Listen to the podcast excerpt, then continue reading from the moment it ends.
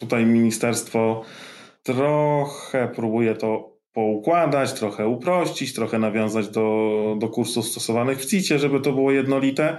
Nie zawsze dobrze mu to wychodzi.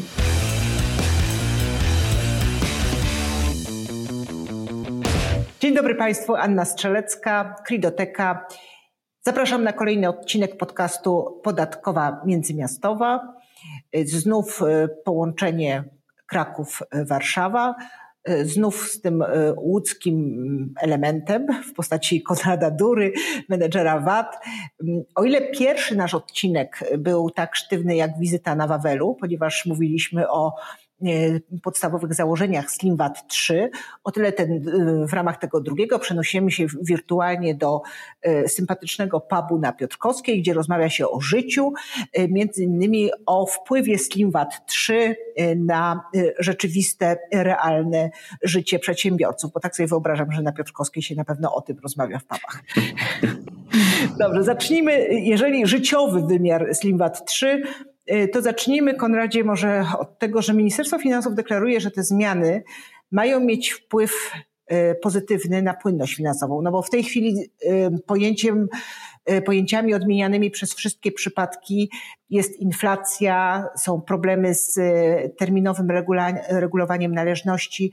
Czy rzeczywiście te zmiany SlimWat 3 niosą jakąś pomoc przedsiębiorcom w zakresie właśnie płynności finansowej? No i tutaj zadałaś mi bardzo trudne pytanie. Wydawałoby się, że odpowiedź będzie banalna, a w praktyce powiem i tak i nie. Dlaczego? E, faktycznie projekt, e, ten pakiet e, SlimBat 3 przewiduje kilka zmian, które w pewnym stopniu mogą wpłynąć nam na poprawę płynności finansowej. Ale nie czarujmy się, to nie jest tak, że każdy z przedsiębiorców na tym skorzysta. To nie jest tak, że każdy z przedsiębiorców faktycznie będzie miał tą płynność finansową większą, bo od 1 kwietnia będziemy mieli SlimBat 3. Mamy dwa takie rozwiązania kluczowe, które jakby przychodzą mi na myśl jako pierwsze, jeżeli mówimy o płynności finansowej. Pierwsze to jest podzielona płatność. Jak słyszymy hasło podzielona płatność, czyli ten split payment, to wydaje nam się, że jest to zaprzeczenie płynności finansowej. Z założenia wprowadzając e, split payment, Ministerstwo Finansów chciało zabezpieczyć tak naprawdę przychody budżetowe, a nie zapewnić podatnikom, e, przedsiębiorcom większą swobodę w jakby działaniu na rynku. Split payment de facto doprowadził do takich dwóch kanałów płatności. Pierwsze to jest kwota netto, która trafia na nasz normalny rachunek bankowy. Druga kwota, czyli ten podatek VAT, trafia nam na rachunek specjalny, takie subkonto VAT-owskie. I teraz nie byłoby problemu, gdyby nie pewne ograniczenia. O jakich ograniczeniach mówimy? Otóż e, środki, które wpłyną nam na rachunek VAT-owski, nie mogą być e, swobodnie wydatkowane.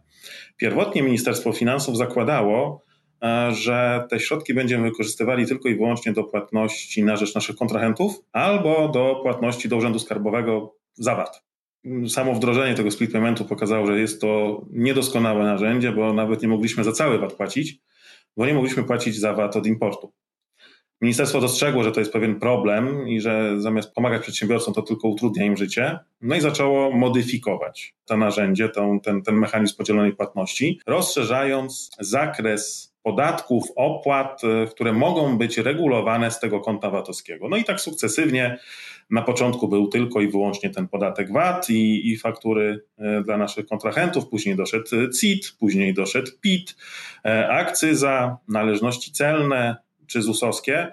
W niektórych przypadkach możemy również mówić o odsetkach, które e, jakby odsetkach od zaległości od tych podatków, które mogą być regulowane z tego konta VAT-owskiego. To w dużym stopniu odblokowało te środki. Przedsiębiorcy dzięki temu mieli, mają możliwość jakby swobodniejszego dysponowania nimi. E, to nie jest tak, że są jakieś tam setki tysięcy złotych zablokowane na koncie, z którymi nic nie możemy zrobić, bo akurat, nie wiem, nie mamy podatku VAT do zapłaty. No i jakby idąc dalej troszeczkę, ministerstwo stwierdziło, że trzeba poszerzyć zakres tych opłat podatków, które mogą być płacone z tego konta VAT-owskiego. No i co tam nam Slim VAT przynosi? No przynosi nam możliwość pokrycia podatku od wydobycia niektórych kopalin. Bardzo specyficzne, nie każdy z tego skorzysta. E, kolejny podatek, który może być zapłacony w ramach tego konta VAT-owskiego, to podatek od sprzedaży detalicznej. Tutaj już bardziej. Podatek cukrowy, tak zwany, albo podatek od produkcji okrętowej, czy też opłata od tak zwanych małpek, E, tu mówimy oczywiście o tym, e, o alkoholu, o pojem, no tam w butelkach o pojemności poniżej 300 ml, no i też podatek tonażowy. Tak więc wydaje się, że Ministerstwo Finansów zaproponowało nam takie szerokie otwarcie, tak? To już teraz nie tylko CIT, nie tylko PIT, VAT, E, ale również akcyza i te wszystkie inne nietypowe podatki będą mogły być opłacane z konta VAT-owskiego. No ale nie ukrywajmy, ta zmiana w ramach split paymentu może i poprawi płynność finansową w spółkach górniczych, w spółkach produkujących alkohol, tak, czy sprzedających, dystrybuujących ten alkohol, no, ale to nie wpłynie na każdego przedsiębiorcę, więc Dlatego tutaj mówię, tak, to poprawia płynność, ale nie u każdego.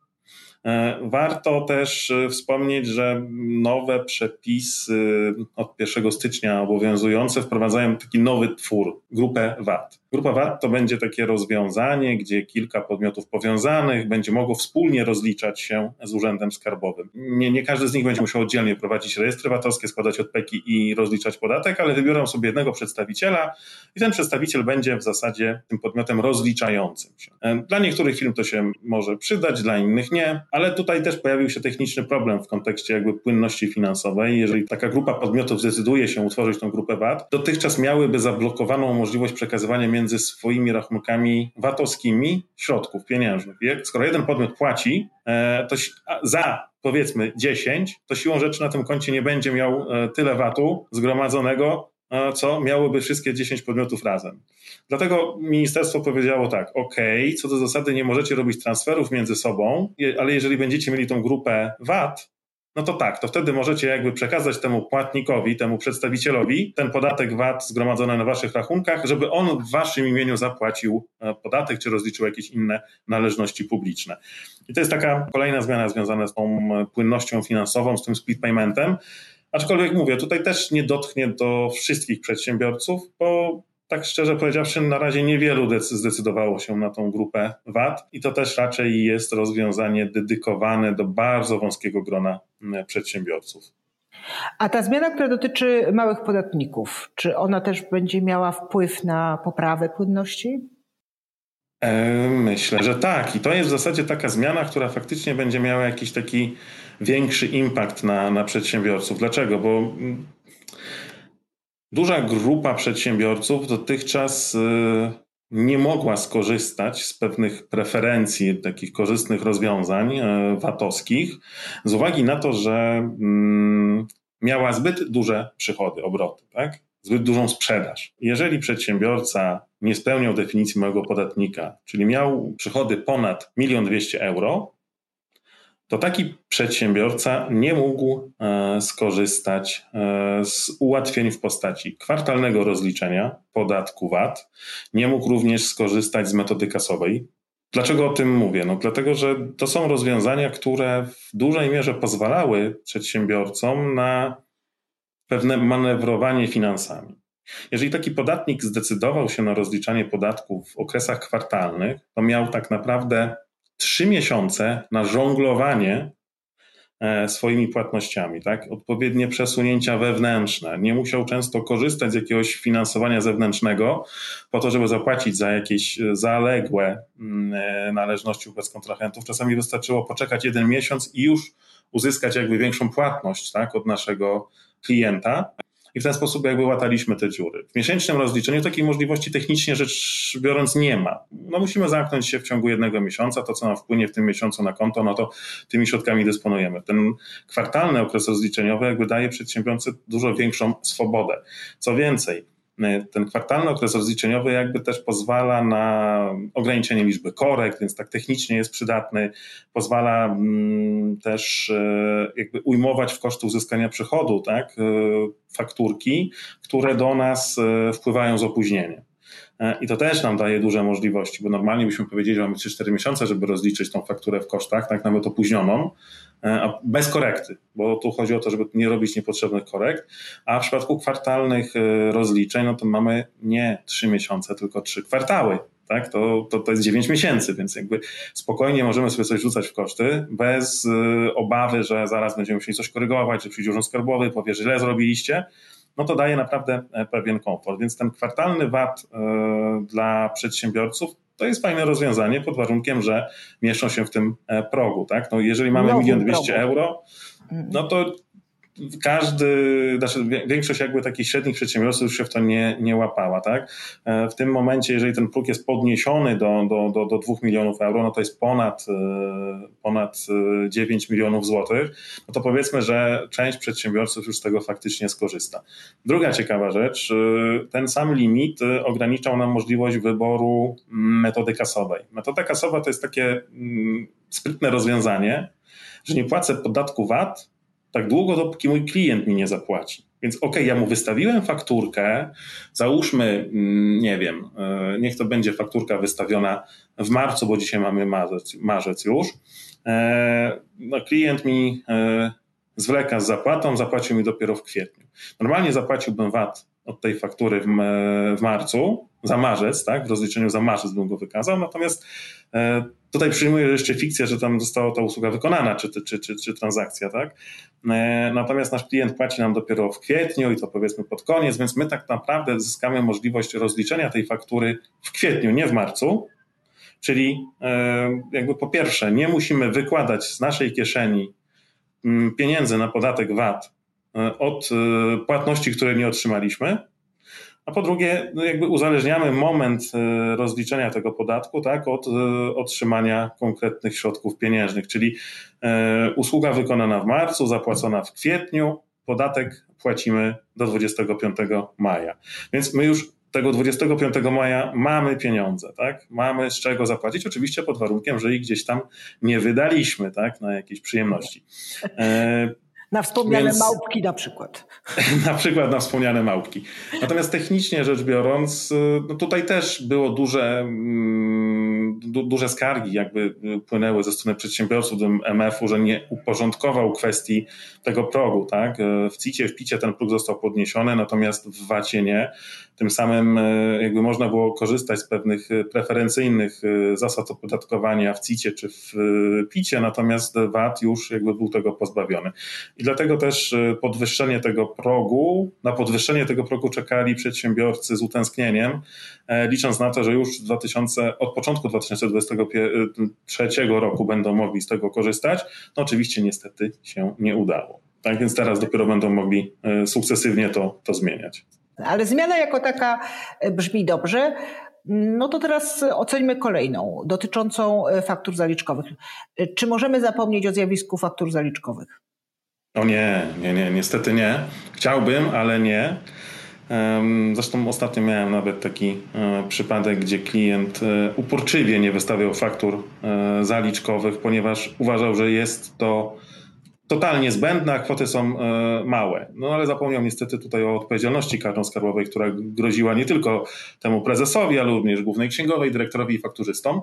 E, więc nie, to nie zapominajmy jeszcze na razie o fakturach zaliczkowych, bo są i nadal będą przypadki, w których będziemy musieli je wystawiać. Natomiast jeżeli będziemy mieli taki case, w którym e, dostałem płatność częściową bądź całościową przed wykonaniem usługi, Załóżmy, łatwiej jest mówić na konkretnych przykładach. Dostałem tą płatność dzisiaj, 2 marca 2023 i przyjmijmy, że już działa ten nasz yy, SlimVat 3, tak? tak? Taką fikcję sobie stwórzmy. To jeżeli ja tą płatność dostałem 3 czy tam 2 marca, a faktura zostanie yy, opłacona, usługa zostanie wykonana w tym samym miesiącu, to wystawiam tylko jedną fakturę, nie dwie, czyli nie dokumentującą zaliczkę z 2-3 marca i fakturę rozliczającą, tylko po prostu wystawiam jedną fakturę. Tak? Ważne jest, żeby zarówno wykonanie usługi, jak i e, ta płatność, przedpłata e, były w tym samym okresie rozliczeniowym. Przy czym ja rozumiem to w ten sposób, że okres rozliczeniowy to powiedzmy miesiąc, tak? Czyli zbyt daleko idącą byłaby taka interpretacja, która mówiłaby, no dobra, póki wysta fakturę wystawiam za dany okres rozliczeniowy, czyli mogę wystawić do 15 następnego miesiąca. No tutaj się już pojawia pewna taka wątpliwość, nie jest ona jakby rozstrzygnięta przez MF. E, przypuszczam, że część e, podatników chciałaby to tak interpretować, że mm, jeżeli wystawi, otrzymali płatność pierwszego, czy tam 2 marca, to jak wystawię fakturę 15 kwietnia, to nadal jest ok. No, ja mam pewne mhm. wątpliwości. Jasne. A jeśli chodzi o y, faktury korygujące, czy tam się zmienią kursy walutowe, czy znaczy zasady dotyczące kursów walutowych? Trochę zmian będzie faktycznie, troszeczkę zmian będzie, ale też nie będzie dotyczyło to każdej faktury. Tutaj ministerstwo trochę próbuje to poukładać, trochę uprościć, trochę nawiązać do, do kursów stosowanych w CIT-ie, żeby to było jednolite. Nie zawsze dobrze mu to wychodzi. E, natomiast przede wszystkim e, jakby ja bym tutaj wspomniał o, o, takich trzech grupach tak, e, faktur. Pierwsza to są takie typowe kursy walutowe w fakturach korygujących typu in minus, in plus. Gdy doszło do zmiany mm, podstawy opodatkowania. No i tutaj ustawodawca mówi tak, ok, zmieńmy to, zbliżmy nasze regulacje do już utartej praktyki, e, wynikającej tam z licznych interpretacji podatkowych i orzeczeń sądów. I co zróbmy? I zróbmy tak, że kursem właściwym do przeliczenia właśnie tych walut obcych na złotówki będzie ten sam kurs, co e, faktury pierwotnej. Tak? Ten, ten sam kurs, który został zastosowany przy wystawieniu faktury pierwotnej, czyli tak zwany ten kurs historyczny. To jest jakby takie ułatwienie, troszeczkę uporządkowanie tych takich faktur krajowych. E, no ale mamy jeszcze mm, inne rodzaje korekt, tak? No bo pamiętajmy, że korekta korekcie nierówna, tak? Przepisy VAT-owskie rozróżniają jakby przyczyny dokonywanych korekt, no i też nie zawsze jakby skutki są takie same.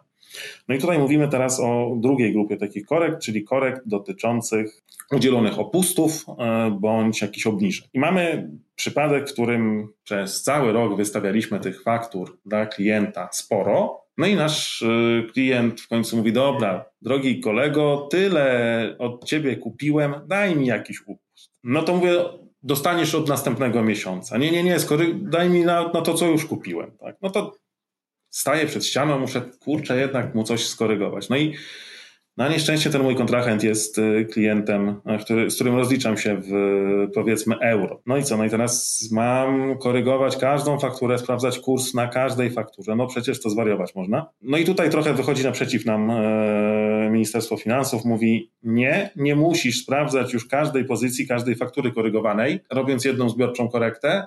Zastosuj jeden zbiorczy kurs dla wszystkich transakcji, tak? Czyli nie wiem, miałem 10 transakcji z 10 różnych miesięcy, czyli 10 różnych dat, różne kursy walutowe, to jak teraz zrobię korektę do tych wszystkich 10 faktur, jedną zbiorczą, no to zastosuję jeden kurs i to będzie kurs NBP mm, na dzień, ostatni dzień roboczy, poprzedzający dzień dokonania korekty.